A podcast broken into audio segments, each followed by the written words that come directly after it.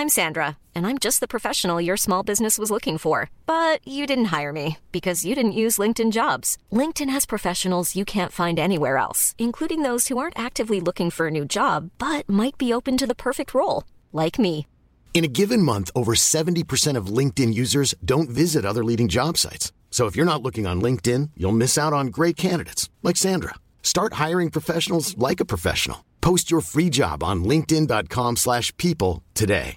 Mother's Day is around the corner. Find the perfect gift for the mom in your life with a stunning piece of jewelry from Blue Nile. From timeless pearls to dazzling gemstones, Blue Nile has something she'll adore. Need it fast? Most items can ship overnight. Plus, enjoy guaranteed free shipping and returns. Don't miss our special Mother's Day deals. Save big on the season's most beautiful trends. For a limited time, get up to 50% off by going to BlueNile.com. That's BlueNile.com. Mom deserves the best, and there's no better place to shop for Mother's Day than Whole Foods Market. They're your destination for unbeatable savings, from premium gifts to show-stopping flowers and irresistible desserts. Start by saving 33% with Prime on all body care and candles. Then get a 15-stem bunch of tulips for just $9.99 each with Prime. Round out Mom's menu with festive rosé, irresistible berry chantilly cake, and more special treats. Come celebrate Mother's Day at Whole Foods Market. Va? Är inte det här en tennispodd?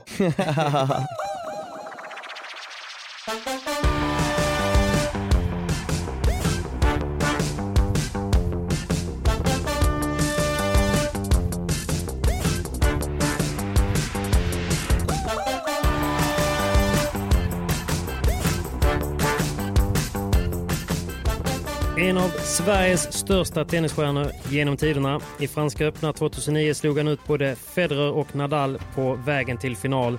Som bäst fyra på världsrankingen och drabbades olyckligtvis av körtelfeber 2011 vilket blev slutet på tenniskarriären men också början på en ny resa med RS Sport och RS Padel. Och efter sitt hyllade sommarprat 2020 så gör han nu äntligen debut i Proffset och jag. Mina damer och herrar, Robin Söderling! Tackar, tackar. Vilket intro.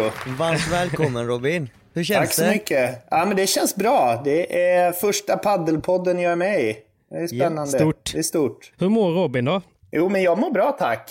Det är ganska mycket att göra sådär, men det är, det är kul. Utvilad efter Maldiverna?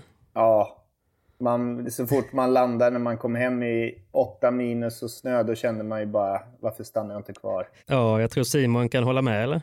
Definitivt, definitivt. Ja, det såg magiskt ut. Det var kul att följa på distans här när jag skrapade bilen faktiskt. Det var det. det gav faktiskt energi, även om jag låter lite bitter. Vi hade ändå ganska stora problem jag och Robin. Berätta. Varje dag. Det var liksom så här fråga liksom vad ska man ha för efterrätt idag till lunchen? Vad ska jag för efterrätt till middagen ikväll? Vad ska jag Ja. dricka nu? Ja, men det är ju vad så. ska jag äta nu? Ska vi sola nu eller sen? Ja, det var tufft. Det var liksom, ska man spela tennis, paddel, ska man köra lite jetski eller ska man dyka lite? Ta en bärs i Vad baren. gör du helst då? Vad gör du helst om dagarna Robin då? I Maldiverna? Ja, men alltså, grejen var, det vi var, det var ju så bra för det fanns, det fanns allt man behövde. Jag känner, jag skulle kunna flytta dit utan att bli uttråkad. Det fanns ett bra gym, en tennisbana, en paddelbana. Man kunde dyka, eh, surfa, snorkla, jetski. Jag bara, vad nice. vad mer behöver man? En corona på kvällen i baren. Och så var det dåligt wifi också, vilket är bra menar jag. Ja, det var faktiskt... eh, Man märker ju det efter några dagar så börjar man faktiskt lämna mobilen på rummet Mm. när man går iväg. Och det, det skulle inte direkt hända när man är hemma att man... Oj, jag glömde mobilen när man åker iväg till något och bara, nej skitsamma. Men där var det helt okej. Ja, ja jag förstår. Nej, det, var, det, såg, det såg magiskt ut och jag, jag hoppas på att få testa på det där livet en dag. Det kommer, det kommer. Avsnitt 200. Ja men gott då. Vad skulle jag säga, hur, eh, hur börjar vi det här då? Jag, jag, är lite, jag är väldigt nyfiken. Det finns ju så mycket frågor. Vi la ut och ställde massa frågor. Eller vi ställde en fråga och fick enormt eh, bra respons och väldigt många frågor till dig. Men jag är lite nyfiken på hur livet ser ut för Robin just nu. Vad händer? Vad gör du? Ja, ja, jag jobbar ju mest med RS då. Eh, Det tar väldigt mycket tid. Det har blivit eh, bara mer och mer. För varje år som har gått har det blivit mer jobb. Trots att vi har blivit fler personer, fler anställda, så bara blir det mer jobb. Men det är jäkligt roligt. Ja. Eh, sen jobbar jag också som eh, Davis Cup-kapten eh, för tennislandslaget, så det tar ju lite tid. Nu har det varit ett, ett riktigt konstigt år med, med corona här och viruset. Vi har inte kunnat göra de aktiviteterna som vi kanske skulle ha velat och så. Eh, men, eh, och det har ju, på något sätt har det varit, det har varit tråkigt men det har ändå varit bra för jag har haft otroligt mycket annat att fylla tiden med. Precis, men om vi backar bandet. RS Padel är väl inte det första du började med? Du började med RS Tennis redan 2013 va? Ja, precis. Så när jag hade slutat där så kände jag ju efter ett tag att... Alltså när jag spelade då var det så här, jag vet att jag tänkte många gånger, den dagen jag slutar då ska jag bara ligga i soffan resten av livet liksom och bara ta det lugnt. Men det tog inte så lång tid innan man kände så här, men det här går ju inte, jag måste göra någonting. Och då Ja. så funderade jag, ville gärna jobba inom tennisen, göra någonting inom tennisen. Så där, det har ju varit mitt liv. Jag började spela när jag var fyra år och man har precis, i princip spelat varje dag sedan dess. Så att, jag jobbade lite på Stockholm Open och så här, men sen så... Jag var jäkligt intresserad av material när jag spelade. Eh, Och det var som att ju bättre jag blev och ju, ju mindre marginalerna blev, alla var ju så bra, så blev man ännu mer nojig och noggrann med materialet. Så där. Ehm, och sen så jag visste precis liksom vilka strängar jag ville ha, racket, vikt, balans, allting. Men jag kommer ihåg, jag hade fått några år tidigare på någon presskonferens, det var någon tävling där det var snack om bollarna. Då fick jag en fråga, så här, men vilken är den bästa bollen? Det var en journalist som frågade.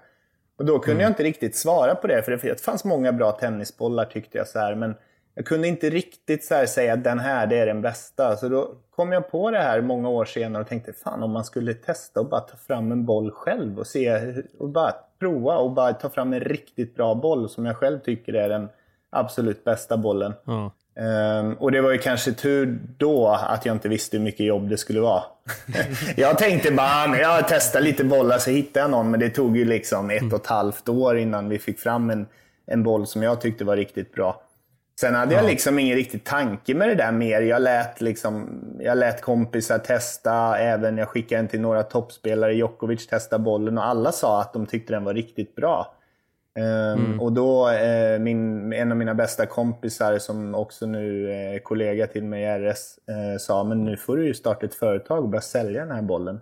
Jaha, okej, ja, vart börjar jag liksom?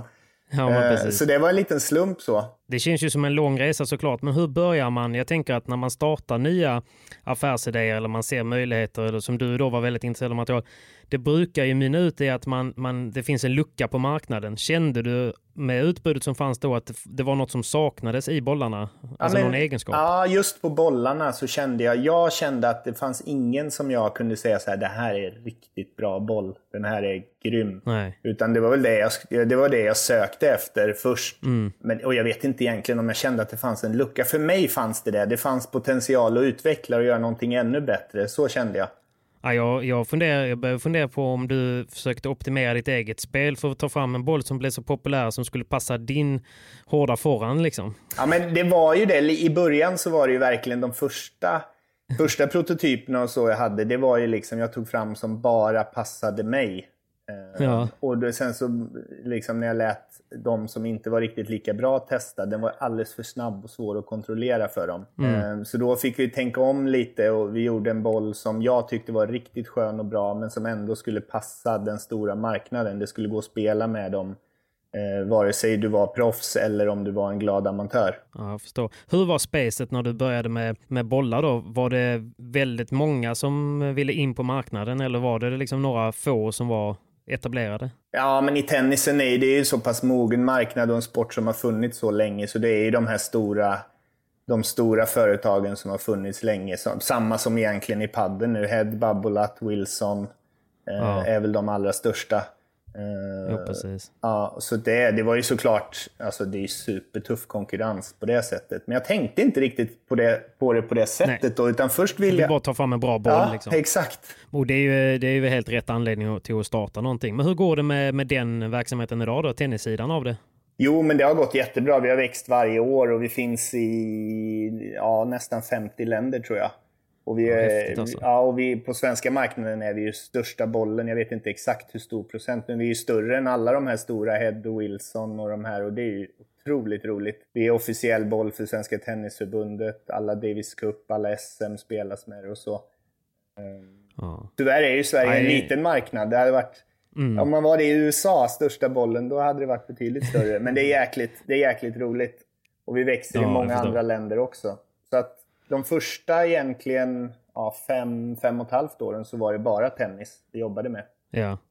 Hur lång tid tog det att ta fram eh, första prototypen? Tennisbollen tog eh, ett och ett halvt år ungefär skulle jag säga. Jag kunde Ja, ju jag ingenting då om, om bolltillverkning och hur det funkar. Eh, Nej. det var ganska roligt. Först så vi, jag var runt på massa fabriker och tittade och så ganska många vi ratade. Sen hittade jag en riktigt bra fabrik i Thailand som tillverkar åt, åt några andra stora märken också. Men när jag skulle förklara en boll, liksom, då pratade jag ju bara om känsla. Men jag vill att den ska kännas så här, så här och så här. Och de bara tittade på mig. De drog fram så här diagram och, och grafer och grejer med, liksom, med massa nummer och jag fattade ingenting. Men det var ganska roligt för jag lärde mig mycket om det och jag tror att de i fabriken också lärde sig en hel del. Liksom. De förstod att Såklart. okej, gör man det här gummit och den får den här densiteten, det betyder det här i känslan. Ja.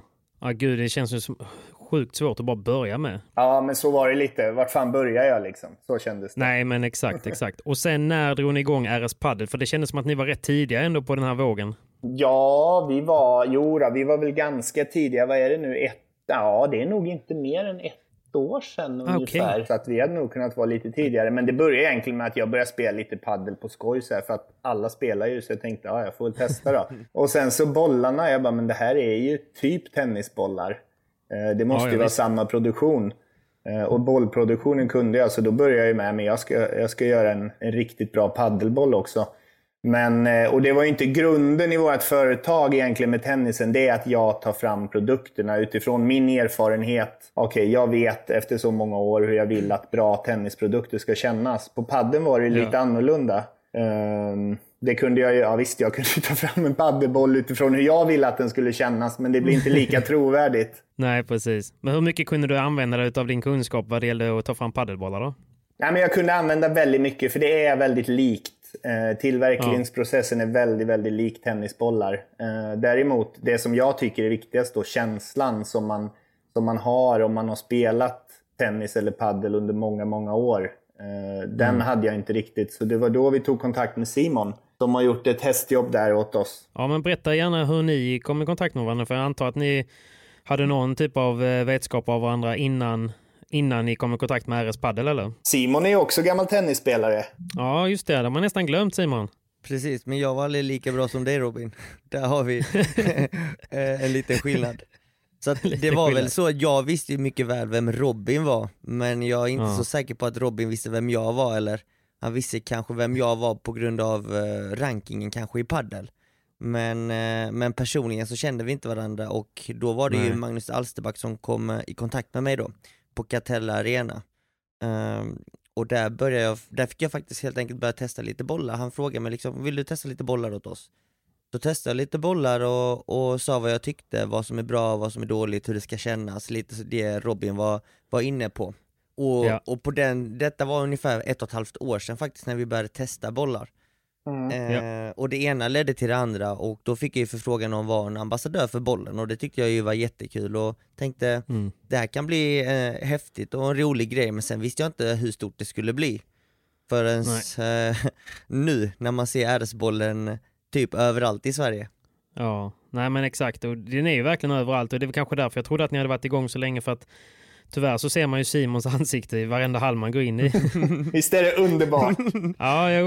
Det är perfekt ju. Ja, jag, jag tycker ju om Simon så att, eh, för Ja. mig är det okej. Nej, men det vi gjorde bra, vi, vi tog erfarenheten från tennisen, just det jag sa att min första tanke med tennisbollen, det var ju det var lite fel på ett sätt för jag ville verkligen att den skulle passa mig och min drömboll som jag skulle spela bäst tennis med. Men, Ja. eh, men när vi tänkte om det lite, då gjorde vi en boll i tennisen som var lite långsammare, lite mer kontroll i, som skulle passa alla. Och lite det tänket hade vi ju i padden också, att den första bollen vi tar fram, den ska verkligen vara för alla. Du ska kunna spela en, en VPT-tävling, men den ska även funka för en vanlig glad motionär i vilken paddelhall som helst. Ja. Det var ju lite så och har man testat RS-bollen idag så är den en extremt bra träningsboll men även bra amatörboll. Eh, den håller kanske, det är kanske inte en riktig VPT-klass nivå på den Men vi kan ju faktiskt nästan lite avslöja Robin att eh, vi håller på att ta fram en ny boll nu va? Ja, precis. Och det är inte, den är ju klar. Den är ju under produktion. Mm, Ja, men det blir samma där. Det gjorde vi samma med tennisen. Att då nästa boll tog vi fram en boll med samma bra egenskaper, att den ska hålla lika bra, men som är lite snabbare.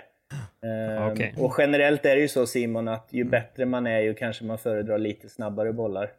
Precis. Ja, men jag tänkte fråga det. Jag tänkte fråga det, för att är det det som skiljer när ni säger att det passar en amatör eller en medelspelare, som jag ändå anser att jag är? Är det, är det, liksom, är det då tempot man, man, man, man refererar till? Du eller jag Simon? Eh, börjar du Robin, kör du. Ja, men på, på, tennis, på tennis är det ju det. Om den är lite snabbare så blir det ju, man får mer effekt på sina slag, får ut mer, men det blir också lite, lite svårare att kontrollera. Uh, och det, det är samma, tennisen som paddeln, jag tror att därför våran boll har blivit så uppskattad, för att den är lite långsammare än medel och det gör att det blir lite lättare att kontrollera den. Det blir bättre spel helt enkelt. Ja, men det, är- ja, det blir lite längre bollar, lite bättre spel och man får en väldigt skön känsla i den. Precis, Ja, precis. Alltså ju, ju hårdare och snabbare boll du har, eh, den är ju svårare att kontrollera som Robin sa, men ju bättre spelare du är desto mer får du ut utav bollen. Så att är du en glad amatör så får du inte ut de egenskaperna från en snabb och hård boll. Utan du får, Nej. du får ut egenskaperna bättre ur bollen när den är liksom lite bättre för den nivån. Så att, Ja, för Men- ofta, ofta medelspelarna vill ju gärna ha en snabb boll bara för att de ska kunna få ut en boll på, på 30 ur buren. ja, men lite så. men det, det, det, blir mycket misstag också. Ja, Eh, verkligen. 29 generellt så- av 30. Generellt så, ju sämre man är, så, så kanske man, det blir mer de negativa egenskaperna som kommer fram då med en för snabb boll. Exakt. Ja, men det är inte det man lägger ut på Instagram. desto mer pengar lägger man på utrustning. Har man ju sett i Sverige framförallt. Verkligen, verkligen. Man knäcker ju upp ett nytt bollrör för varje pass ju. Det är ju liksom Såklart. standard i Det är, padel. to, det är torigt. Det är torigt att, att knäcka ett rör eh, innan man går in. Men jag, för jag får så här, jag får ju ganska mycket Eh, bollar skickat till mig nu för tiden. Eh, de säger, hej vi har startat en ny boll då, typ ett varumärke i veckan. Kan du testa våra bollar och se vad du tycker? Eh, och helt ärligt, jag vet inte riktigt eh, vad är det man ska gå på. Alltså, jag tycker det är rätt svårt. Alltså att, att beskriva en egenskap av en boll efter att jag har spelat med den. Vad är det ni kollar på? Alltså jag kollar på känslan. Framförallt i tennis kollar jag på känslan. Hur den är. Det som är väldigt viktigt är hur den är liksom precis i början, de första slagen. Eh, många bollar kan ju vara ganska liksom, hårda och okänsliga då, så tar det lite tid innan de ruggar upp sig lite och blir lite mjukare innan man hittar känslan. Jag vill ju framförallt att bollen, det ska vara från första slaget, ska du ha den här sköna känslan. Du ska känna att du kan kontrollera den. Ja, Och sen är det i träffen också. Och det känner jag lite som i paddel. Det är verkligen samma paddel och tennis. Man känner det, det är svårt att beskriva, men man känner det i träffen, att den ligger kvar lite. Den får inte vara för hård så att man känner att den bara sticker ur racketen. Alltså det, det svåra med bollarna tycker jag är ju att en väldigt hård boll, alltså om du knäcker upp ett nytt bollrör och bollen är väldigt hård och snabb, då är det inte så trevligt att spela med den den första kvarten, men den blir ju bättre och bättre ju längre du spelar med den. Öppnar du upp ett annat bollrör av ett annat märke som är mycket tyngre och mjukare, då är det kanske rätt så skön feeling från den första 15 minuterna, men de sista 15 är inte så roliga för då är bollen helt död, den studsar knappt. Så att det viktiga är att försöka, och det svåra är ju att hitta en balans däremellan, att du, när du väl öppnar och knäcker ett rör, eh, bollar, att bollen är skön från slag ett till sista slaget i slaget just den träningen. Det är det, det, är det Ja, man precis. försöker åstadkomma. ja. Så det är lite individuellt ändå får man säga också. Ja, men det är verkligen individuellt lite hur man är som spelar, vad man föredrar. Eh, Och det hade vi väl lite i tennisen, liksom att vissa gillar hårdare, snabbare bollar, vissa gillar lite mjukare. Men det största målet för mig var att folk fick gärna säga nej men den här bollen passar inte mig, jag gillar när de är så här och så här istället. Och det var fine så länge ingen sa att nej men det här är ingen bra kvalitet på bollen. Nej, precis. Jag har en annan dum fråga som jag tycker är lämplig att ställa när man eh, pratar med två bollexperter. Det är ju varför man inte gör någon boll i någon annan färg. Det har vi faktiskt gjort på tennisen. Det är alltså för eh, 40, är det, ja det är nog så länge sedan nu, 40, kanske till och med mer, 50 år sedan, så var det vita bollar. Wimbledon är gamla Jag har klassiska, sett var det vita bollar. Jag har en sån gammal det. signerad boll. Ja, du har det? En vit boll. Ja. Ja, eh, och vi har faktiskt gjort det till någon, vi gjorde det till en sån här veteran, eh, veterantävling. Eh, sån här Champions mm. Tour. Lite plojgrej, men det man ser bollen sämre. Ja, det är så? Ja, det är faktiskt det är bättre med gul. Jag tycker det är lite coolt med vita bollar faktiskt. Jag med. Eh, vad tycker du Simon, du som är så kräsen? Nej, jag har faktiskt aldrig testat att spela med, med en vit boll. Däremot har jag testat en rosa boll. Och ja. det var, tyckte jag var lite coolt eh, på så sätt att för varje boll de ehm, eh, köpte så donerade de pengar till eh, bröstcancerfonden ja, tror jag det var. Eh, det var Nock som hade, fram, eh, hade tagit fram rosa bollar. Men vit boll har jag mm. faktiskt aldrig testat spela. Jag är inte så gammal. Men det vore häftigt att testa. Det blir faktiskt väldigt svårt, även om man gör exakt samma spes på en boll och så byter man färg på filten så blir det lite annorlunda känsla. För man måste ju mm. färga filten då. Eh, och det blir, eh, det blir lite annorlunda känsla. Men är, vilken färg är filten från början då? För jag tänker att den, eller är den grön helt från början innan den är färgad? Nej, den är typ Nej. vitgrå, inte helvit, men lite så här vitgrå typ. Off-white liksom? Ja. Trendig. Ja. ja, intressant. Ja, men då förstår jag, det är svar på den frågan. För jag, tänk, jag har alltid tänkt att det borde ändå kontrastmässigt eh, synas bäst. Sen var det väl någon som sa att grönt är, enligt evolutionen är den som eh, färgen som ögat bäst kan eh, få kontrast till för att man ska kunna se saker i naturen och sådär. Ja, okay. Ingen aning. Ja, att det, att det är där det kommer ifrån. Ja, det Men det är en superkillgissning. Vi använder ju en stor anledning till att våra bollar är så bra uppskattade. Det är att vi använder ju, de flesta bollar har som en syntetiskt framställd filt. Eh, vi köper våran filt från eh, Nya Zeeland. Den kommer från får. Alltså mm -hmm. ullet på fåren. Och sen är det, blandar man i, vi har 20% syntet och 80% naturfilt. Då. Ehm, okay. Och det gör en, bollarna blir lite dyrare i tillverkning men det är helt mm. klart värt det för att det blir en, en annan känsla. Ja, ja men kvalitet verkar det är ju såklart superviktigt. Speciellt nu skulle jag säga med tanke på hur många vad ska man säga, varumärken som poppar upp inom paddel. Både på lindor och på rack och på ehm, eh, bollar. För vi ska ju nämna det, ni har inte bara bollar, ni har ju även rack ju. Ja, ja, ja visst. Nej, men det är, ju, det är ju så enkelt. Man kan ju köpa bollar från vilken fabrik mm. i Kina som helst. Liksom. Ja. Eh, det som är bra är att du kan bara, de riktigt bra, det finns Ja, men det finns en ungefär fyra, tror jag, fyra riktigt bra fabriker i världen som gör riktigt bra bollar. Och det kan du, får du inte ens köpa om du inte liksom direkt köper jätte, jättestora volymer. Ah, okay. um, så det, och de volymerna har vi kommit upp i för, för länge, länge sedan. Och de gör, det gör skillnad. Det finns mycket skräp där ute också. Ja men verkligen. Hur, det hade inte varit jättesvårt för mig att liksom hitta på ett namn imorgon och sätta det namnet på en befintlig boll. Så det känns ju som att väldigt många av de bollarna som poppar upp nu egentligen är alltså reklambollar eller färdiga no-name-bollar som man sen sätter tryck på. Är ja, det så? Ja, men lite så. Uh, det finns mycket sånt. Och, det och sen vet jag att några av de här lite större gör nog liksom också white label, att företag liksom köper bollar av dem och trycker på. Och då blir det ju bättre kvalitet såklart.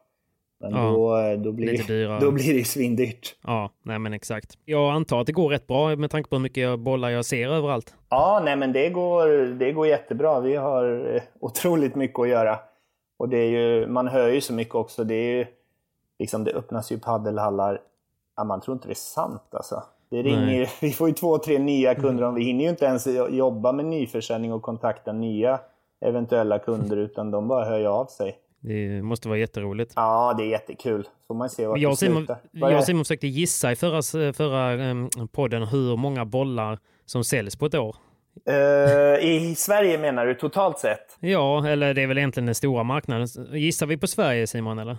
Vi, giss, vi gissade på Sverige. Ja, jag vet ju ungefär vad vi... Sen vet inte jag. Det är så svårt att göra någon marknadsanalys på hur stor del av marknaden vi har eftersom den växer hela tiden. Det är så här, mm. När man vaknar nästa dag då finns det tre hallar till känns, känns det som. Men eh, jag vet ju hur många containrar vi säljer ungefär eh, gånger... Vi vet ju att vi har ungefär en halv miljon svenska paddelspelare. Och ja exakt. Som, det var, hur många bokningar spelar. var det på ett år, Patrik? Det var över miljoner va? Ja det var det ju. Jag skulle tippa på någonstans att vi ligger på kanske nu ett år eh, ja, 400 000 rör ungefär. Ja, det är strax över miljonen bollar då. Ja, det är tre, ja exakt 1,2 miljoner bollar. Då är ju för sig lite inräknat i Danmark och Finland också. Ja. Eh, Men det, ja, det, Det är måste, milstolpe ändå. det måste säljas enorma mängder. Ja men säg en miljon då, kan vi avrunda till. Det är ju en bra siffra. Ja. Men eh, jag tycker vi ska prata lite om den nya bollen. Robin, Mm. vill du presentera namnet? För bara namnet kommer göra er spelsugna med bollen. Vi bestämde att döpa den till Champions Choice. Boom. Champions choice. Och detta är en boll som ska vara lite snabbare och eh, svårare att kontrollera men som jag tror elitspelare kommer uppskatta väldigt, väldigt mycket för att jag, eh, jag är helt förälskad i den. Wow. Ja, den är... Berätta varför Simon. Men varför är ju att, lite som Robin var inne på innan, han, han kan ju lätt säga vad han gillar och hur han vill känna en boll och hur, han- Ja. hur han uppskattar den och jag testade fram en boll som, som är lättspelad på så sätt att du får bra feeling bara av att spela med handen. De här lite sämre bollarna i mitt tycke, det är ju bollar som du får spela, när du väl spelar så spelar du med armen för att få feeling på bollen.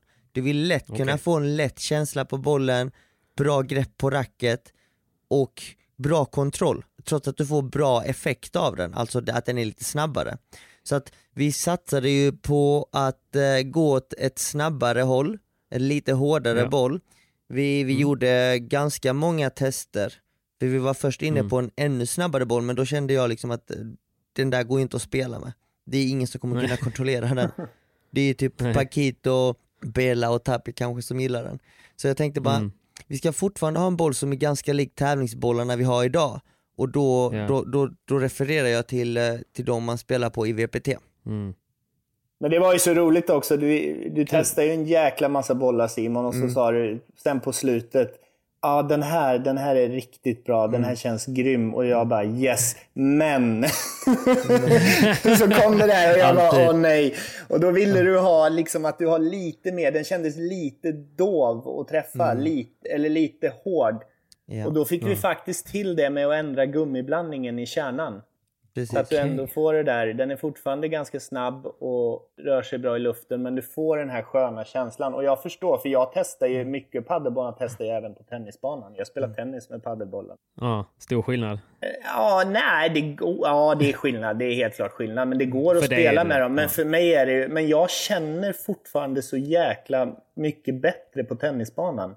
Den där känslan. Vi samarbetar ju väldigt bra på det sättet att jag förklarar ju för Robin hur jag vill att Mm. bollen ska vara, hur jag vill att den ska kännas. Sen frågar jag ju andra kollegor också som är, är både i Sverige-eliten och VPT-eliten eh, om vad de tycker Mm. om bollen eh, och vad som går att förbättra och sen så förklarar jag det för Robin och så snackar ju Robin med fabriken och där gör de ju magi, det är där de mixar gummi och filtret Ja, så att vi får den känslan vi vill eh, nå med bollen. Det är det som är så bra med att Robin har erfarenhet av att ta fram bollar och vad Mm. man ska säga till fabriken och att du kan, du kan säga känslan och han kan omvandla känslan till formler helt enkelt. Ja, och nu har de ju lärt sig i fabriken så mycket mer Mm. och det är därför det har gått, ja det har ändå tagit ta- ett tag, men snabbare än första tennisbollen. För nu pratar vi lite mer samma språk, eh, jag och de i fabriken. Gud vad kul. Jag är lite, jag är lite förvånad Simon att inte du har frågat mig vad jag tycker om bollen. Du sa att du hade frågat Sverigeeliten och så. Men, men nej. du, du, Jag- du, du är ju inte, du är ju padel-influencer Patrik. Det, är- det, är, det. det, är- liksom det första du är. Det behövs sådana också. Ja det behövs sådana också. Det Du behövs såna kanske har nytta av mig snart. Passa dig. ja, jag blev faktiskt jäkligt spelsugen när ni beskriver bollen. Jag hade faktiskt velat se en crossmatch mellan er två. Det har varit mycket, om vi nu ska adressera det, av, av alla frågor så har nästan 60% handlat om hur eh, Simon hade ju en liten rant, vissa kallade det för en sågning av eh, ditt paddelspel i Det förra var podden. ingen sågning nu. Är det, är det mitt paddelspel ni pratar om? Ditt paddelspel Robin. Ja, Okej. Eh, Eh, det, det ställdes en fråga om eh, hur bra du, stä- för att det, du hade spelat lite nu i, på Maldiverna. Då, ställde, då fick vi frågan där hur, eh, hur bra du var och då hade Simon ett litet utlägg där att eh, han menar på att jag var bättre och då vill ju såklart folk se någon typ av duell här, någon crossmatch och hur ställde du dig till den här sågningen som det tydligen var i förra avsnittet? Vad fan Simon, du sa ju till mig eh, när vi snackade att jag var mycket bättre. Men det är ju det här, jag försöker bara hetsa upp den här matchen. Du, jag är, jag är lätt med. Jag tackar aldrig nej till en utmaning. Nej. Det hade varit jäkligt kul. Jag vet ju att vi även ska träffas redan i helgen. Jag är ju domare på ehm, eventet i Kungsbacka på Paddle Studios. Du, jag har tid eh, där i Kungsbacka 20.30 tror jag på torsdagen. Oj, Är det sant? Jag kan skicka iväg mina, mina medspelare så kör bara du och jag. Jag har faktiskt också en tid 2030 samma dag. Men vi, får, vi snackar, eh, vi lämnar det lite som en cliffhanger men eh, vi kan väl säga att vi ska försöka få till den här crossmatchen i alla fall. Det tycker jag. Och nu vill jag höra ett ärligt svar av Simon. Vem vinner? Ja. om jag ska lägga alla mina pengar eh, på någon av er Taktiskt så, så går jag faktiskt för Robin. så jävla skönt att höra! Fegis! Det är sant, sorry Patrik men Okej, okej. Ja, det, ja, ja. Det, det är så det är. Alltså nu har jag ju varit med Robin på Maldiverna en vecka och vi har ju spelat Ja. och sparrat mot Martita och Paco, du vet. Han Mm. har faktiskt blivit bättre, det måste jag säga. Du sa ju att han inte kunde spela volley och att han var eh, Volley- strax under medel. Volley kan han spela, väggarna börjar han komma in i lite mer och mer. Men, eh, Ja. Men, jag, men, Jag spelar ju med jävla Tips. tennisvolley, det är det som är problemet. men Robin kan, Ja. har ju tävlat hela sitt liv, han kan ju det där, han vet hur man ska vinna matcher. Så är det ju. Jag är ju Psy- sämst. Psykningarna kommer inte bli nådiga kan jag säga. Nej. Bet, bättre psykningar där än när du psykar ner Nadal. nej, nej, det vet fan. Det var en av mina bättre.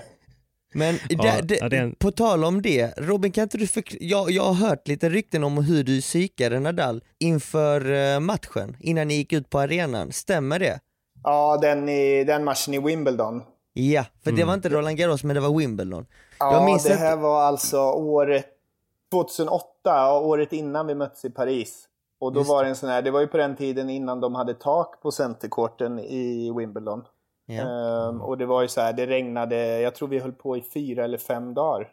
En match. Så sjukt. Och du vet, det var in och ut från omklädningsrummet hela tiden. Och efter ett tag då, efter man har liksom det femtonde regnavbrottet så börjar man ju märka så här att fan, han vill ju alltid att jag ska gå först hela tiden. Mm. Och då tänkte jag sen när vi kom in igen, tänkte jag så här, nästa gång då jävlar ska han få gå först. och det var ju ett jäkla projekt och liksom, han då, som, det kommer alltid in som en, en gammal, det är alltid en medlem, en medlem på Wimbledon som kommer och hämtar tillsammans med Mm. vakter då. Och de bara, ja nu är det dags. Och då som vanligt så sprang han in i, bakom där, in i, till duscharna och handfaten och började fixa håret, knyta skorna och så här. Och jag bara satt kvar på bänken. Det tog tio minuter och till slut så gick han ut och så försökte han få mig att gå, gå före honom hela vägen, men jag bara vägrade. Ja. Och sen då kommer man fram, för då spelade vi på bana, bana 1. Man byter om i Wimbledon inne i, liksom, i centercourten, ligger omklädningsrummet. Och då är det som en stor tunnel som är, ja, den är nog kanske 200-300 meter lång bort till bana 1. Ja. Och den är så smal och han försökte, han gick före då, han försökte hela tiden få mig att gå om, men jag bara höll mig bakom hela vägen. Så taktiskt. Och sen då kommer man fram till banan och så är det så stora dörrar som öppnas. De väntar någon minut på tv och så. Och säger ja, varsågod och går in. Och ingen av oss går in. Nadal börjar gräva i väskan och låtsas leta efter något. Och jag bara står där bakom. Och de, blir bara, de undrar vad fan det är som händer. Det är tv nu, ni Ja. måste gå in på banan. Publiken bara skriker där ute och undrar varför ingen kommer in. Ingen går in och till slut säger den, som tur är säger den ena bara, ah, Nadal du får gå först. Ja. Och då fick, så en gång fick jag in han först på banan. Vad, vad, vad var ställningen i matchen då? Ja, men vi hade spelat ganska långt tror jag. Det var nog i, kanske i tredje set eller någonting. Där. Hur slutade Tyvärr matchen? så blev det, jag förlorade 7-5 i femte. Men det var några regnavbrott däremellan. Tyvärr, det regnavbrottet, jag vill ju se om det påverkar hans spel, men vi, han bara spelade ett game typ innan det började regna igen. Ja, Ja. jag fattar. Men du Annars fick, hade det funkat. Men det är en helt magisk historia alltså. Jag älskar den historien. Ja, men jag orkar inte nästa gång för det tog så mycket energi. Jag vet slut efter det där. jag förstår det. Jag förstår det. Nadal har ju sina tics ju. Han gör ju ett och Ja, annat ja. på banan. Dels med vattenflaskorna och sen så ska han ju ta på varenda kroppsdel innan han servar också. Ja. Fixa Du har också några tics eh, Simon, har jag, har jag uppmärksammat eh, när jag har följt dig på stream och så. Jaså, vad har jag för tics? Du har ju att du alltid eh, med eh, vänsterhanden tror jag det är att du drar i tröjan ovanför din högeraxel. Du lyfter på tröjan tre, fyra gånger inför varje serve. Är det Har du sant? tänkt på det? Nej, det har jag faktiskt inte tänkt på. Nu kommer du börja det. tänka på det. Ja, nu är det Det är kört. skitjobbigt. Ja, jag vet. Ja, och så har jag match om två dagar. Bra Patrik, tack, tack. Kommer inte sätta en kula i banan nu. Och jag tror att Kalle Knutsson har lite Nadal också, att han gillar också alltid att gå in sist. Och sen har han någon liten ritual med fötterna på banan, första stegen han gör. Mm, jag trodde du skulle nämna att eh, han drar Han ut drar i kalsongerna. Drar i kalsongerna ja. Men det, det gör han kanske inte. Vi kan väl outa det, han kan ju inte försvara sig ändå, Nej. så det är lugnt.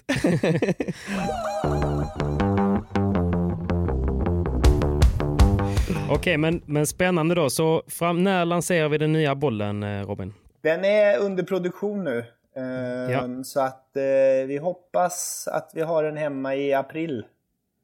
April, det är ju snart ju. Ja, det är ganska snart. Den är klar och så. Nu är det lite längre produktionstider på grund av det jäkla viruset. Men, eh, Ja. Men eh, nej, nu är det nära. Bollen är klar. Men det ska Den som tillverkas. väntar på något gott väntar aldrig för länge så att vi har ju nämnt bollen Champions Choice så alla mästare där ute i Sverige var redo att klicka hem dessa bollar. Och ni kommer ju få spela med det nu i helgen också. I Ja, Studio? Padels tävling där. Det blir premiär, Okej. smygpremiär. Det är ju väldigt roligt. Visst är eh, bollröret idag är ju ett snyggt svart med eh, orange logga va? Hur kommer den eh, nya se ut så att man håller koll på det? Eh, det blir eh, mattsvart, guldigt och lite blanksvart. Mm. Så Ja, lite det guldigt ska man hålla utkik på då så att man vet vad det är då. Ja. Eller så står det kanske Champions Choice. Väl, det måste vara det snyggaste bollröret jag har sett i mitt liv faktiskt. Den Ja, ser det där väldigt- fick, det där ser fick väldigt- One Designer till bra alltså. Ja, ja. Ja. Ser väldigt Men jag måste, exklusivt jag ut. måste be, ge beröm för din eh, logga också. Den är ju otroligt eh, genomarbetad och snygg. Ja, tack. Och- Det har vi fått mycket beröm för. Tyvärr är det inte jag som har, eh, som har kommit på den. Utan det är en Nej. reklambyrå för många, många år sedan. Och de är ju ofta billiga också. Men den är ju, det, det är väldigt många som brukar säga till mig och fråga om jag håller på Juventus när jag har kepsen på mig. Mm. Det har du hört va? Ja, den har vi hört. Det är en ganska rolig Ja. story faktiskt. De bytte ju logga. Eh, vi, vi gjorde den där loggan och sen bytte ju Juventus några år efter. Okej. Och då bara la jag ut på, på Twitter tror jag, bara så här. Mm. Våran logga 2013 och så skrev jag Juventus nya logga om det var 2015 eller 16 eller vad det var. Mm. Och det blev ju helt galet liksom. Viralt. Ja, det blev det. Och de trodde, du vet, de började prata. Det var på sportsändningar i både Holland och Okej. Italien. Och, och sen så, det roliga var att sen har vi en jurist som jag känner som jobbar med, som jobbar mycket med Juventus jurist. Han ringde upp där då. Och bara Jaha. istället för att liksom, vi tänkte vi skulle göra en rolig grej av det. Ja. Eh, så då, eh, då bjöd de, de bjöd ner mig, tyvärr så kunde jag inte åka. Då. De bjöd ner mig på en match och jag skickade ner, skickade ner något racket från, eh, någon racket och några skor från matchen mot Nadal. Så den, den ska finnas där i museet. Wow, vad Så jag blev Juventus-supporter, officiellt Ja, i alla fall. Snyggt, Jag tänkte, jag tänkte att det skulle vara tvärtom, att de skulle ge dig någon sån här eh, loge livet ut så att inte du stämmer dem för varumärkesbrott eller något sånt där. Ja, det hade varit jobbigt att stämma Juventus. Det hade blivit en lång och kostsam process tror jag. Men eh, jag har faktiskt en fråga som jag aldrig ställt till dig Robin. För att jag vet att Mm. paddel eller tennisbollen, det, det tog ju ett tag att, att växa. Gick det fortare att, att slå sig in i tennisbranschen än paddelbranschen eller gick det fortare nu med paddeln? Tänker jag. Eh, nej, det gick snabbare med padden. Mm. Eh, det Det måste ha varit mitt ansikte va? Nej, säg inte att det var på grund av Simon bara. ja. Utan, utan Simon hade vi inte sålt en boll. Alltså. Åh. Åh jag har Nej. mitt svar. Nej. Nu kan jag eller sova så, gott eller så hade vi sålt dubbelt så mycket bollar. Det vet man Det ju. får, Ja, det får vi aldrig reda på. Nej. Nej, men jag tror också, vi har funderat på det mycket varför det har gått så snabbt nu, men jag tror att många som ändå spelar paddel nu kommer ju från tennisen och vi har byggt upp ett ganska Mm. starkt varumärke eh, både utomlands men framförallt Mm. i Sverige där vi är största bollen och så, så att det var lättare då än att börja från, från noll liksom. Jag köper det, alltså jag minns ju själv när jag växte upp och spelade mycket tennis, då var du ju en av de stora stjärnorna här i Sverige och världen. Och då såg man ju upp till dig och nu när du kom in i paddelbranschen och, och alla jag möter i svenska eliten egentligen, vi kommer ifrån tennisen så att många grabbar i min ålder eller yngre har ju sett upp till dig tidigare dagar. Mm. Så att det, det, det tror jag eh, du är helt inne på i rätt spår där Robin, att du har byggt upp ett väldigt bra starkt varumärke kring dig själv som du är som person och eh, sedan utvecklade tennisbollar. Så att det har nog gynnat dig väldigt mycket tillsammans med mig då. Mm. Nej, men det, allt förutom den där slutplädringen kan jag väl st- stå bakom. Det känns ju väldigt genuint och du har alltid Det varit... kan vi klippa bort det sista va? Ja, det klipper vi bort, det fixar vi. Men, nej, men precis. Och jag är ju, du och jag är nästan lika gamla. Så att ehm, för mig är det ju, dels är det sjukt kul att få, eh, få dela en- podcast just nu. Men eh, man har ju följt det hela, hela ens, eh, liksom, ja, från att man var typ 15-16 uppåt så har man ju följt med på resan och sen så nu eh, finns det någon typ av synergi med padden. Det är, det är sjukt häftigt hur, eh, hur livet kan bli så. Men Ja, jag har en annan eh, fundering där. Hur ser dina, dina dagar ut nu? Hur involverad är du i liksom, eh, utvecklingen av eh, RS Paddle? Eh, ja, jag är väldigt involverad.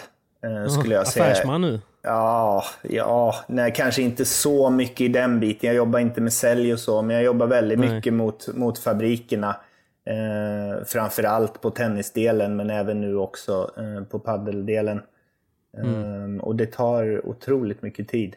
Och sen så gör jag ju mycket så här, event, åker runt, marknadsför och eh, intervjuer, åker och spelar lite, lite skojpaddel och tennis sådär.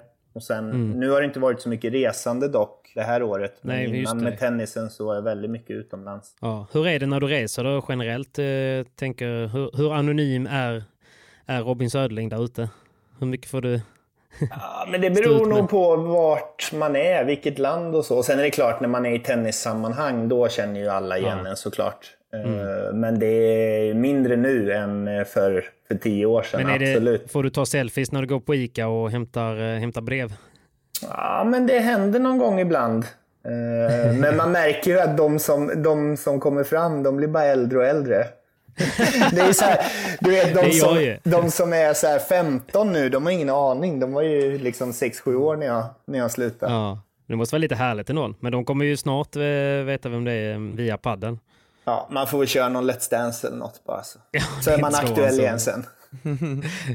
så är det Jag ju. får fråga Jonas Björkman om tips. Ja, exakt. Men det är väl lite kul också att han är involverad i, i padden. Ni har väl spelat eh, eh, mycket tennis ihop? Absolut. Vi har en dubbeltitel ihop också i Swedish Open. Var inte det, bara nu, nu höftar jag, men var inte det mot eh, Brunström som också spelar padel? Just det, jo, vi slog Brunström och eh, Roch- Rocher i finalen. Absolut, ja. Knyter ihop säcken här. Ja. Vilken research! Ja, det var eh, ren flax. Men vad roligt. Jag kommer i alla fall be om en selfie i helgen, så den, den kan du förbereda dig på. Ja, vad skönt. Men har du spelat tennis du, också en Patrik? fråga, en fråga. Ska ni ta selfien innan er duell eller efter? Både och va? Ja, jag vet inte. Det är fan bättre vi tar den innan alltså. Ja, det är nog bäst vi tar den innan. Jag kan bli rätt grinig faktiskt. Nej, jag har spelat lite tennis har jag gjort, men inte alls på någon, eh, på någon högre nivå. Så. Lite, som, lite som din padel nu. Ja. Jag tänkte precis säga, du spelar varken tennis eller paddel på hög nivå. Schmack, schmack!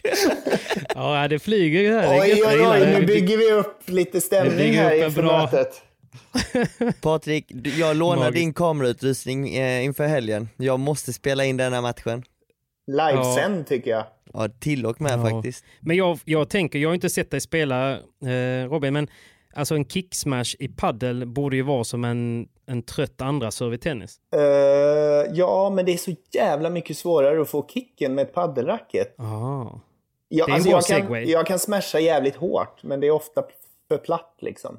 Ja, flackt liksom. Ja, Men däremot lärde jag mig en jäkla bra grej i Maldiverna nu. Han sa ju, Berätta. eh, Hernan Auguste där som var där också. Mm. Eh, han sa, varför slår du inte med två händer på backen? Du är ju tennisspelare. Ja, jag vet Ja. inte, kan man göra det i padel? Ja, ja, så sa han. Marta? Marero då som är världsetta på damsidan. Som, Mm. Hon var väl runt 40, mellan 40 och 50 i världen i tennis.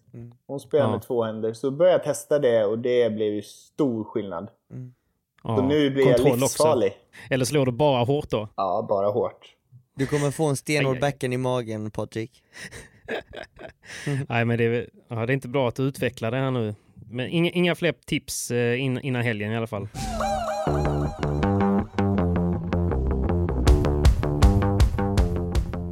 men det är väl en bra segway över där med, med, med racket om du säger att det är svårare att få bett i eh, smashen med ett paddelrack. För, för ni gör ju paddelrack på RS också.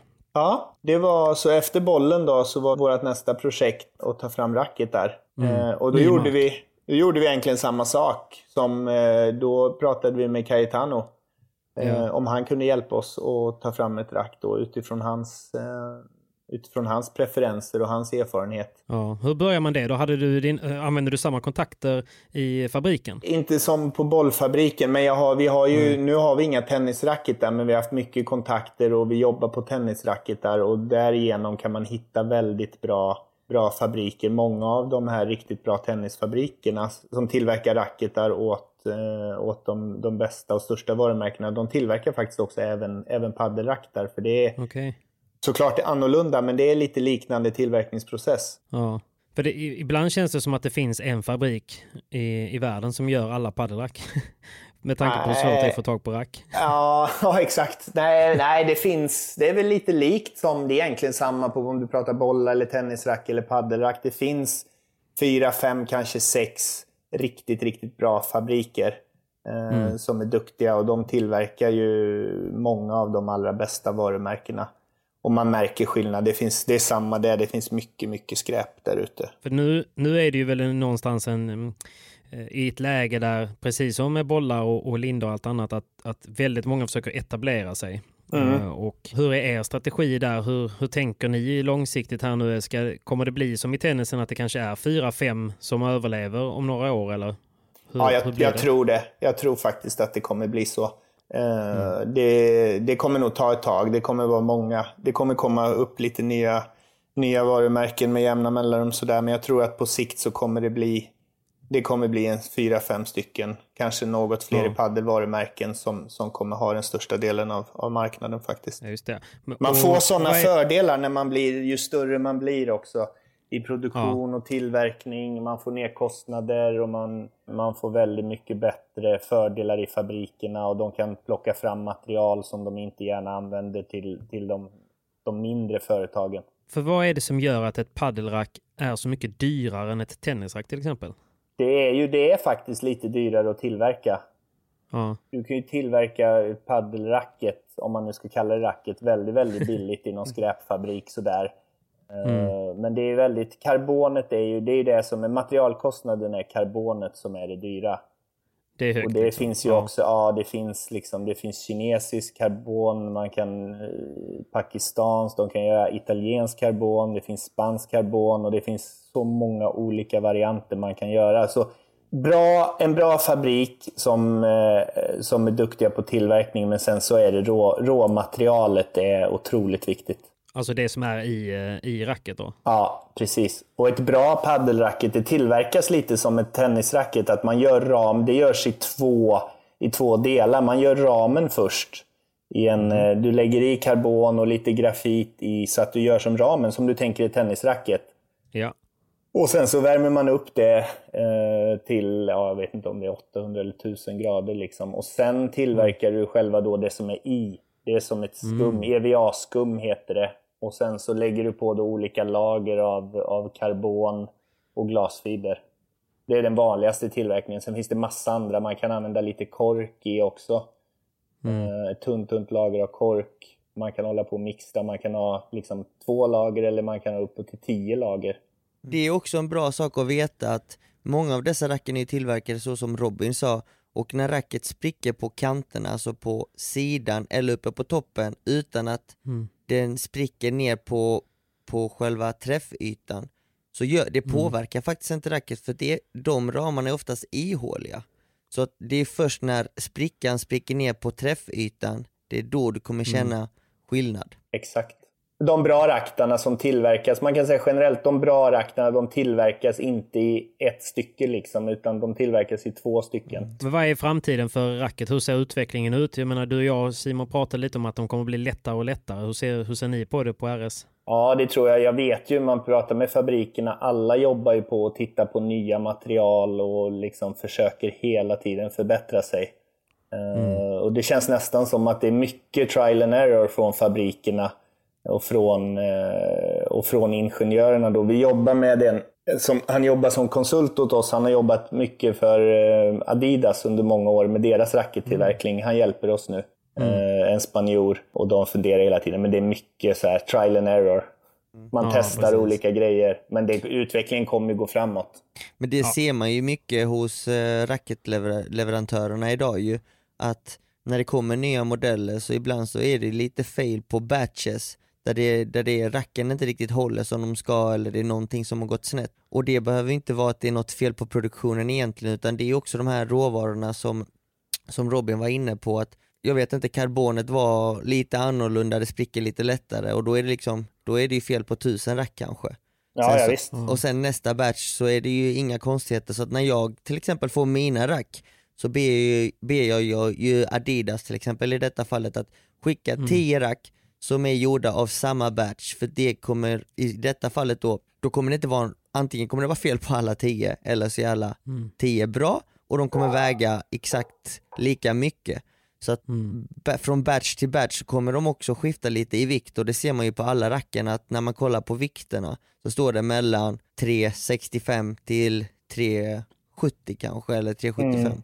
Det, det är mm. ju en rätt så stor diff egentligen. Ja, ja, nej det går inte. Det är jättesvårt att göra och vi, eh, vi har faktiskt kommit ner nu till, till, till 10 grams diff. Uh, men det är ju som vi gör åt Cayetano, då väljer vi ut liksom ur en batch på många tusen racketar, så väger vi alla liksom och så hittar vi de som väger exakt lika mycket. Ja.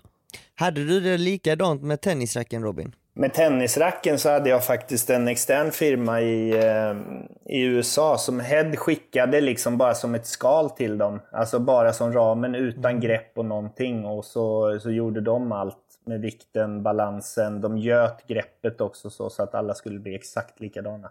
Och det kanske är någonting som kommer komma. Det finns inte riktigt i padel mm. än. Sådana här firmor som verkligen mm. liksom mm. gör äh, racket tuning då som det heter. Just det. Mm. Som är mycket vanligare i tennisen. Spännande.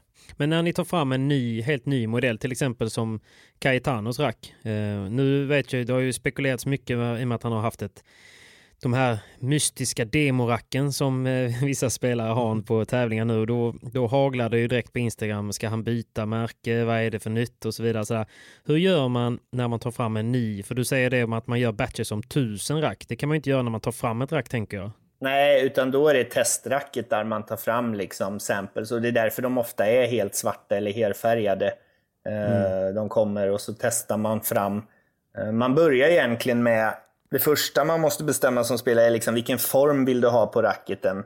Vill du ha ett mm. runt droppformat eller hur vill du? Och så ritar man då ritar man en mold som det kallas, en mall liksom, utifrån den formen då. Och sen så, så testar man då, man kan ju mixa, det finns ju, eftersom det finns så många, du kan ha så många olika varianter på skummet och på karbonen och allt det här. Så att mm. när du lägger ihop alla variabler så blir det ju liksom flera hundratals olika rack där du kan få fram. Okej, okay, så, så då, då ger du de här spexen till fabriken och då kanske de gör några enstaka då som ni får som ni kan använda och testa innan och de är lite dyrare för er att göra och sen kan ni minimumbeställningar. Typ som ja. att ta fram kläder kan man säga. Ja, precis. Precis. Och det är det Kaje har hållit på med nu, Nicke. Vi håller på och jobbar och har väl kommit ganska långt med eh, ja, nästa års, eh, nästa ja. års Cayetano Rocafort racket som kommer släppas i, i höst och det är det han har testat mycket. Ja, bra. Fick vi det ändå dementerat och bekräftat att eh, Och den kommer bli kvar. otroligt bra. Ja, nej, men det tror jag. Han är, spelar ju väldigt bra. Ja, nej, men den är, det kommer bli ett av våra helt klart bättre racketar. Nej, men för det känns ju som att ni satsar på kvalitet överallt. Och så. En fråga som jag ofta får är så många eh, i hallen då, framförallt eh, medelålders män säger ju att det måste vara sjuka marginaler på de här rackarna. Ja, alltså... Ja, det bästa är om man kan sälja det själv. I egna kanaler, ja. på egen webb såklart. Men vi säljer ju mycket till, eh, till återförsäljare och då försvinner ju mycket mm. av marginalerna. Och sen blir det ju mycket utvecklingskostnaderna är ganska dyra. Eh, det ska ja. fraktas och sådana här saker. Så att det, det, är mycket som äter på marginalen också. Ja, men det är väl också som, precis som i retail att man, man måste ha, beställa ganska stora volymer. Man måste sitta på dem och skulle de inte sälja så är det ju mycket där som, eh, som eventuell vinst åker till också. Eh, ja, men så alltså. är det. Och liksom, ju större vi blir, ju bättre. Ja, dels så kan vi använda de allra bästa fabrikerna nu. Nu har vi kommit upp i så bra volymer så att vi, vi beställer nog ungefär 50 000 rack om året just nu. Eh, och då kommer vi in på de allra bästa fabrikerna och då kan man också pressa ner priserna. Och man får prio. Liksom. Det, det är lite samma som vi pratade om med bollarna. Man kan säkert liksom googla runt och hitta någon fabrik i Kina och köpa 20 racketar och starta ett racketmärke. Men då, men då får man också ta vad man får. Och det, eh, ja, det är inte riktigt samma sak. Men jag förstår, men om vi ska ge lite tips till folk som är nya, för många är väldigt nya i padel och har ju inte jättemycket erfarenhet. Och så blir de lite introducerade och så får de, får de ett, ett av de här nya racken och de kanske har ett nytt varumärke. Hur bara man håller racket i handen, vad ska man liksom titta efter för att veta om det är ett premiumrack eller inte ett premiumrack? Vad säger du Simon? Nej men man, först och främst ska man ju kolla på om det är snyggt eller inte. Det är det viktigaste. Utseendet, det är bara det man ska gå på. Ja, men, ko- kollar man på Patrik när han spelar paddel så ser han ju ut som en gud ju. Tills han börjar spela. Oj, oj, oj, oj, oj. Så att Robin, du får inte bli rädd när du ser Patrik på torsdag utan börja bolla in, då kommer du kunna lugna ner dig lite. Ja, okej. Ja, det är bra. Skämt åsido, alltså jag personligen hade rätt så dålig koll när jag började spela padel vad jag gillar och inte gillar och vad jag skulle känna efter. Men nu har jag ju kommit fram till att jag vill ju helst ha en, en sweet spot som är lite högre upp på racket för att få lite mer fart. Eh, och då är det ju diamantformat racket eller droppformat racket snarare. Sen så finns det ju runda rack också och ofta så har ju rundare rack lite större sweet spot vilket gör att eh, det är, man har, det är ett mer förlåtande racket. Men även ett droppformat racket kan också vara väldigt förlåtande men ofta så har ju de droppformade racken mer framåtvikt, alltså de är framtunga och det är ju lite svårare att kontrollera om, eller så får man lite mer gratisfart beroende på vilket racket du har. Så att priskategorin avslöjar ju också för vem racket är.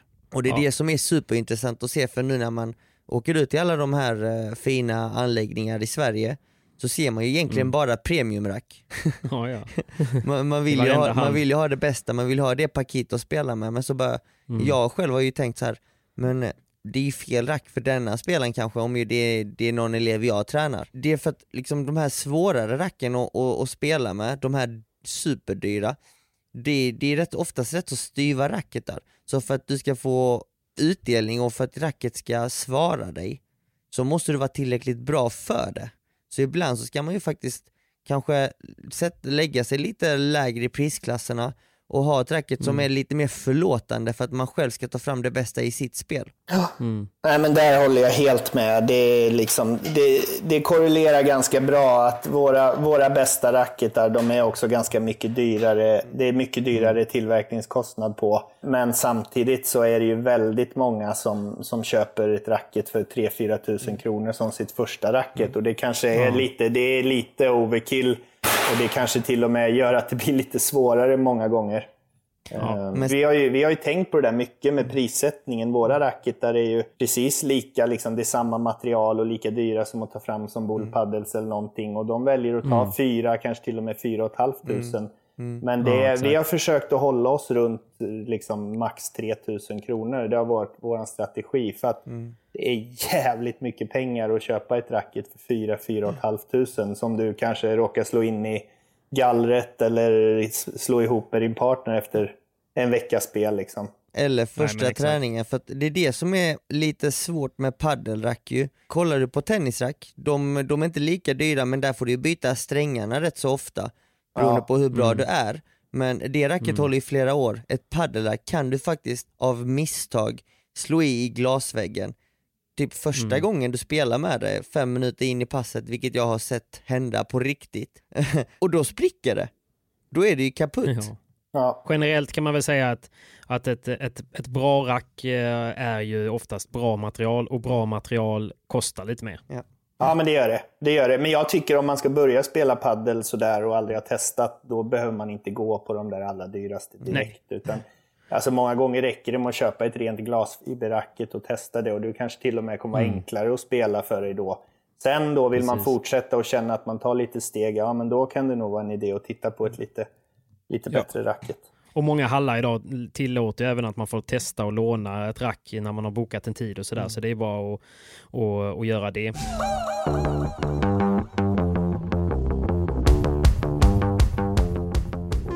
Jag har en, en annan fråga för att inte vi ska nörda ner oss i material, för det är lätt hänt att man gör. Jag tänker på mm, eh, miljön, miljöaspekten. Eh, framförallt eftersom vi pratade lite om, innan om bollarna med att man knäcker ett nytt rör och sen så är de lite förbrukade. Vad kan man göra, vad kan man göra åt det? Ja, vi har ju tänkt otroligt mycket på det. Uh, ja. För det är klart, när jag pratar om här hur många rör vi säljer och det är plast och det är gummi och allting. Och vi har Ja, och de bara slängs också känns ja, det som. Att vi, det har ju, ingen... vi försökte då på tennisen för ja, det är två år sedan nu och starta ett samarbete med Ragn-Sells om att kunna återvinna det på ett bra sätt. Mm. Problemet med rören, egentligen är det faktiskt de här plaströren som är de värsta miljöbovarna. Eh, okay. Och de kan du ju inte återvinna som ren plast för att när du öppnar locket liksom och drar bort den här metall, metallskivan mm. Då sitter mm. det kvar, man måste ha den för att hålla trycket, det sitter kvar som en liten metall eller aluminiumring ovanpå. Ja, och därför kan det inte bara gå som ren plast. Mm. Och då, måste det, då finns det en maskin, då, Ragn-Sells, de sa att det fanns någon sån maskin i England eh, som man var tvungen att ha som separerar då det här metall, metallringen eller aluminiumringen från plasten.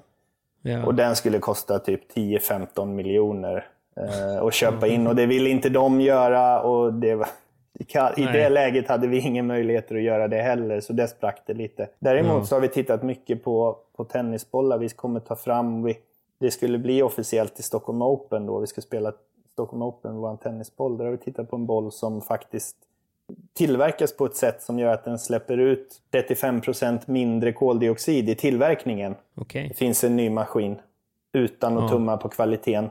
Och det är någonting vi ska titta på på padden också. Ja, precis. För någonting det finns måste man, man göra. Med liksom. bollarna som, som man har spelat med och att man kan återvinna dem på något sätt? Eller? Det finns ju de här Pascal-boxarna. Uh, och det, jag tycker inte att det blir så bra. Det blir inte riktigt samma, men det är ju ett alternativ såklart. Och då skulle mm. bollarna kunna, kunna hålla lite längre. Men det, man skulle inte kunna, om man, om man, har, man kan inte återvinna, jag bara tänker eh, högt här då, man kan inte ta en boll och sen så göra en ny boll av en gammal boll genom att bryta ner den. Det blir för jo, stor process. Dels så blir det, då ska bollarna tillbaka till fabriken. Och det bara där har du liksom en jäkla... Failat liksom. Ja, där mm. har du förlorat nästan hela grejen. Och sen finns det ju bollar, vi har gjort så, testat lite på tennisen för så här träningsbollar, lite lägre kvalitet och göra dem av mm. återvunnet gummi, att man använder det igen.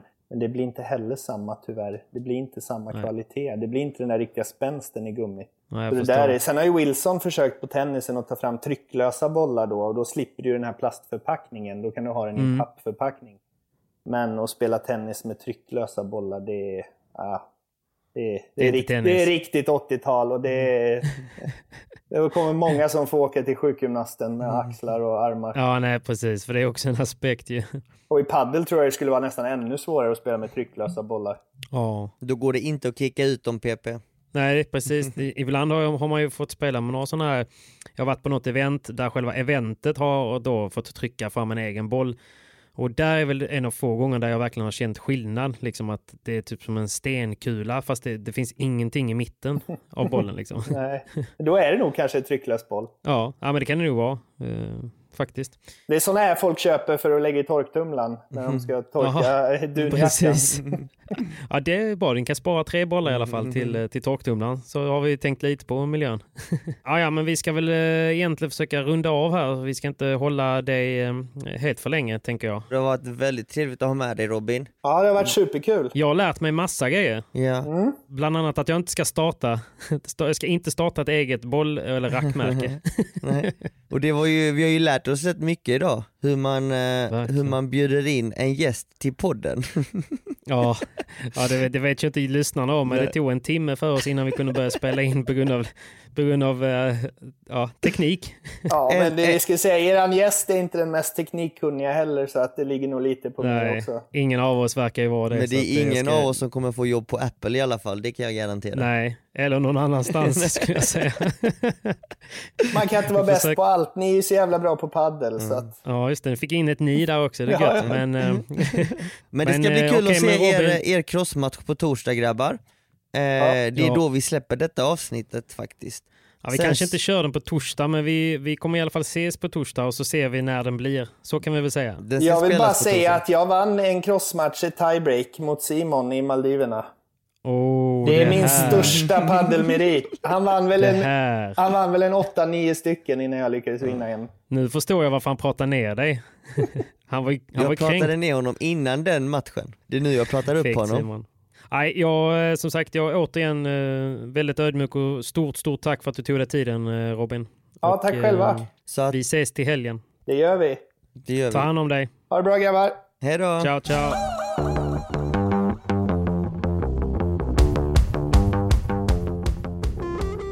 Alright Simon, då har vi sagt, tack och hej till Mr Södling. Mm, precis, en eh, sann legendar inom svensk tennis och världstennisen. Och det var, Verkligen. han har ju mycket, han kan ju mycket om material idag. Och det är ju Mm. väldigt kul för att han har inte spelat så mycket padel själv men eh, är extremt kunnig inom eh, material, både bollar och rack. Så det är ju kul och få en bättre och större inblick inom, inom det. Verkligen. Det känns ju också som en konsekvent av att vara så duktig i tennis. Så känns det Ja. som att man nästan måste vara en riktig materialnörd. För det kan man ju se på alla dokumentärer Mm. om alla stora, att de bryr sig så sjukt mycket om alla detaljer. Precis, precis. Och det är ju så även för oss, alltså jag känner ju extremt stor skillnad på racken jag får. Och Mm. är det någonting som inte stämmer så blir man ju helt galen och tokig och det, Ja. det är liksom en av eh, anledning, anledningar till att eh, ja, spelare som Robin är extremt duktiga och petiga. De är ju perfektionister. Noggranna liksom. Ja, ja. Men eh, det var ett väldigt trevligt samtal. Men du, nu, nu, nu har vi ju Hede Padel Center Invitational framför oss. Det ska ju Ja. spelas nu till helgen. Nu till helgen på, på torsdag egentligen, eller på fredag är det, så imorgon går väl första matchen. Ja, precis. Och imorgon så är det faktiskt jag och Cayetano som sätter igång eh, eventet och vi ska möta Pierre Bonfré och Viktor Stjern. Hur känns det? Jag tycker det känns bra. Eh, vi har en tuff, Ja. tuff match framför oss och det är aldrig lätt att möta dessa två vinnarskallar. Eh, Nej. men vad tror du om matchen om du skulle betta? Ja, nej men alltså det är klart att ni är superfavoriter. För, eh, och det säger jag ju inte bara om mig själv utan jag såg ju även en omröstning på eh, som de hade gjort på Studio Paddles Instagram. Just det. Där tror jag att det var 90% som trodde att ni skulle vinna. Så att ni går, och det är aldrig, alltså jag vill bara säga det, det är aldrig lätt att gå in Mm. med 90% förväntan av att vinna mot eh, de som vann SM förra året, eller för förra året Mm. och alltid krigar och ger aldrig upp. Och, ja, de är duktiga på mycket. Ja, precis. Vi får se. Vad är Eh, det svåraste med att möta dem? Bara innan, jag ska inte, vi ska inte bli långrandiga här på slutet, men är, jag tycker det är intressant. Det svåraste är ju att de aldrig ger upp. Eh, De spelar ju till sista bollen i slagen så att man kan Mm. aldrig räkna bort dessa två grabbar. Sen så eh, får vi se vad som händer på fredag. Alla matcher är, är olika. Bollen är rund så att vi får se hur det går och jag börjar känna press nu när du säger sådär Patrik. Det är inget kul. Ja, det förstår jag. Men jag hoppas ju, jag hoppas jag lyssnade på eh, Padel Mundo eh, innan vi spelade in det här och Ja. de pratade ju väldigt gott om din insats och jag eh, sa ju det till dig också att jag var väldigt imponerad. Så att jag hoppas ju bara att du är på tårna som senast och eh, att du har en glad Kajtano vid din sida. Precis. Jag, jag är ruggigt taggad och jag förbereder mig på bästa möjliga sätt genom att träna Mm. med, med Cayetano, Yanguas och Ivan Ramirez här i Helsingborg denna veckan. Så det är väldigt nyttigt. Mm. Eh, det, Lite Bela. Och, ja, ja. det var ju förra veckan, det är historia. Ja. Men vi har ju fler matcher. Tjejernas match då? Ja. Ja. precis. Vi har ju äh, Åkerberg, så kan vi säga, han Åkerberg som fyller år idag. Stort grattis till dig. Stort grattis till dig. Eh. Men jag tänker att jag börjar uppifrån och ner, alltså spe, jag, jag drar spelschemat på fredag. Vi har Yes. jag Cayetano mot Pierre och Viktor 12.00. Så att eh, logga in på Youtube, följ Studio Paddle, det är helt gratis stream eh, Ja. och det är en stream i världsklass. Och det är en domare i världsklass också. Ja. Glöm inte det. Eh, och det är Ja. Patrik Persson, ingen annan. Jajamän. Han är halvblind men eh, han kommer nu göra ett lysande jobb. Därefter följer ju Sofia Arvidsson och Barre Soleimani som ska spela Ah. mot Patti och eh, Riviera. Och Wow. det ska bli en spännande match. Jag... The Eh, return of the Queen. Return of Baharak Soleimani, så det ska bli eh, extremt kul att se henne på tävlingsbanan igen. Vi får se vilken Ja. nivå hon håller. Det viktigaste Ja. av allt tror jag det är att knät håller. Så att jag håller Ja, tummarna. och, att, och att hon vågar Ja. eh, lita på Ja. att det ska hålla. För Ja. jag, hoppas att hennes fysio har sagt att hon får köra på. Och, annars hade hon inte ställt upp. Nej men precis. Och sen hur det går, alltså om jag ska vara helt Nej. ärlig, hon har ju haft en allvarlig skada.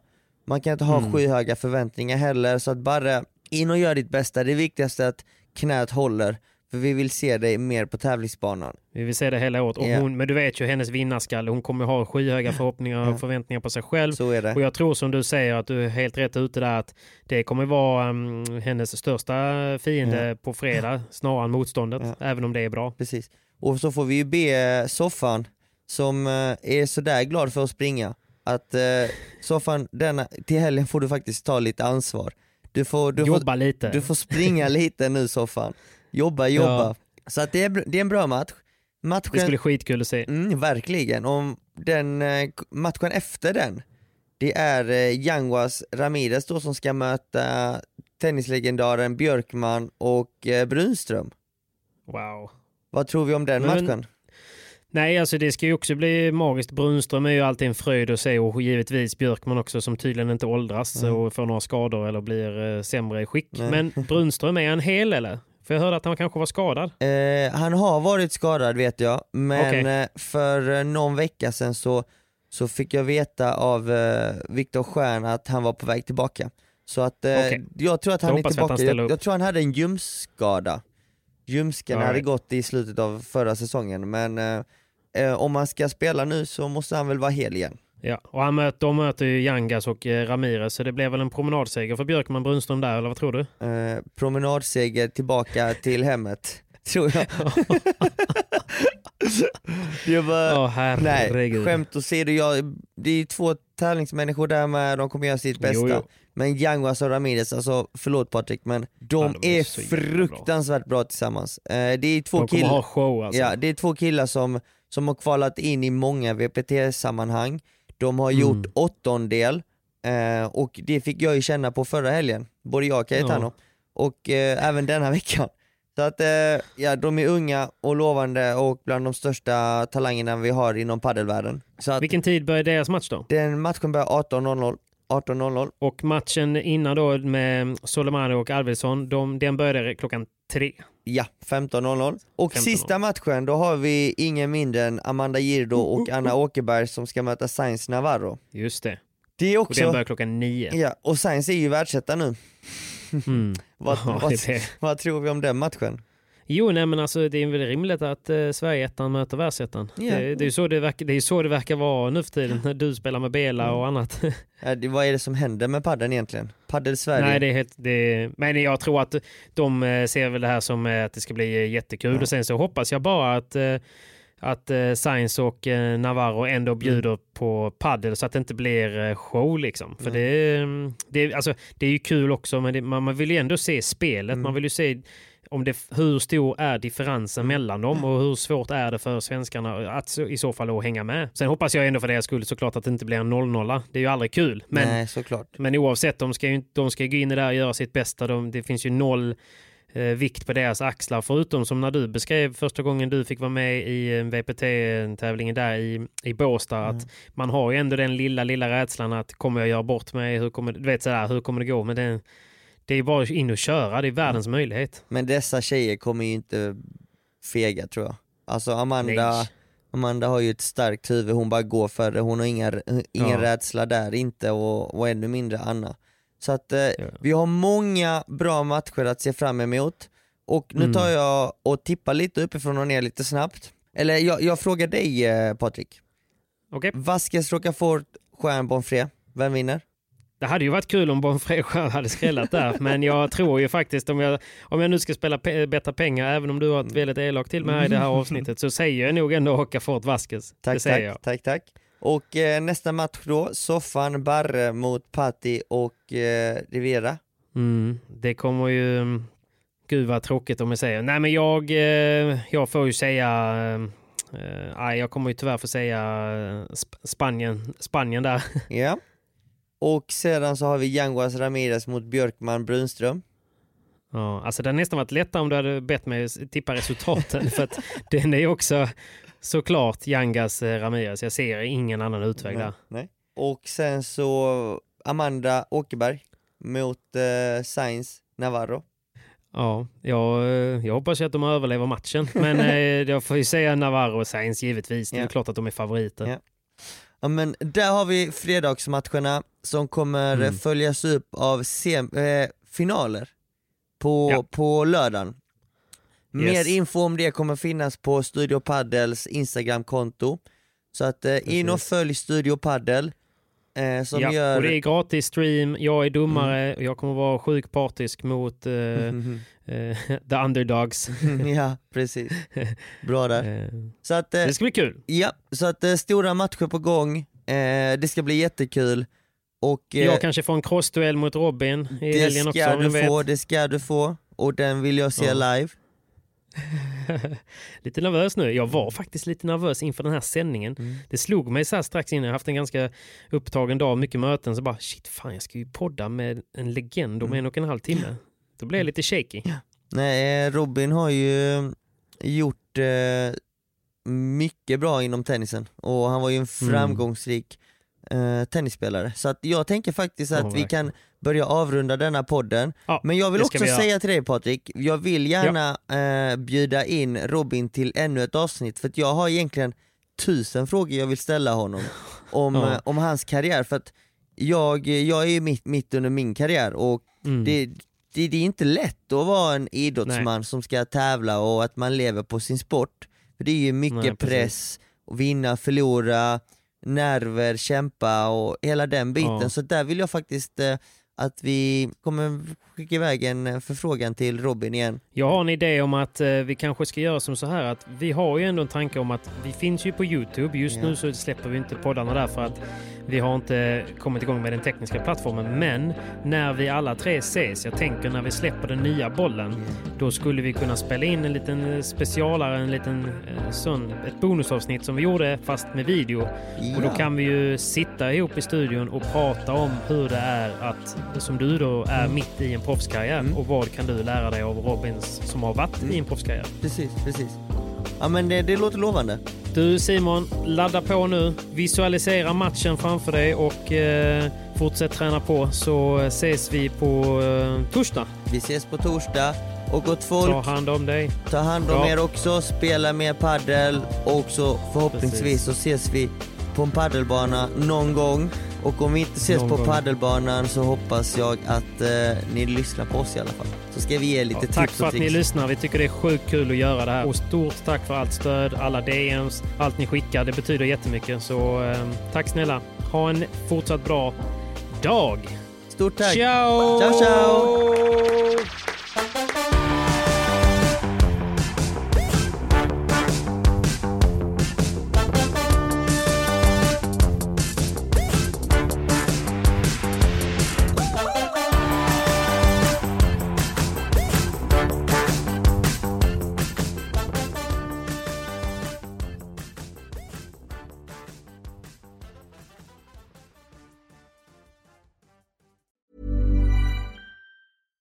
to deserves the best, and there's no better place to shop for Mother's Day than Whole Foods Market. They're your destination for unbeatable savings, from premium gifts to show-stopping flowers and irresistible desserts. Start by saving 33% with Prime on all body care and candles. Then get a 15-stem bunch of tulips for just $9.99 each with Prime. Round out Mom's menu with festive rosé, irresistible berry chantilly cake, and more special treats. Come celebrate Mother's Day at Whole Foods Market. Normally, being a little extra might be a bit much, but not when it comes to healthcare. That's why United Healthcare's Health Protector Guard fixed indemnity insurance plans, underwritten by Golden Rule Insurance Company, supplement your primary plan so you manage out of pocket costs. Learn more at uh1.com. Mom deserves the best, and there's no better place to shop for Mother's Day than Whole Foods Market. They're your destination for unbeatable savings, from premium gifts to show-stopping flowers and irresistible desserts. Start by saving 33% with Prime on all body care and candles. Then get a 15-stem bunch of tulips for just $9.99 each with Prime. Round out Mom's menu with festive rosé, irresistible berry chantilly cake, and more special treats. Come celebrate Mother's Day at Whole Foods Market.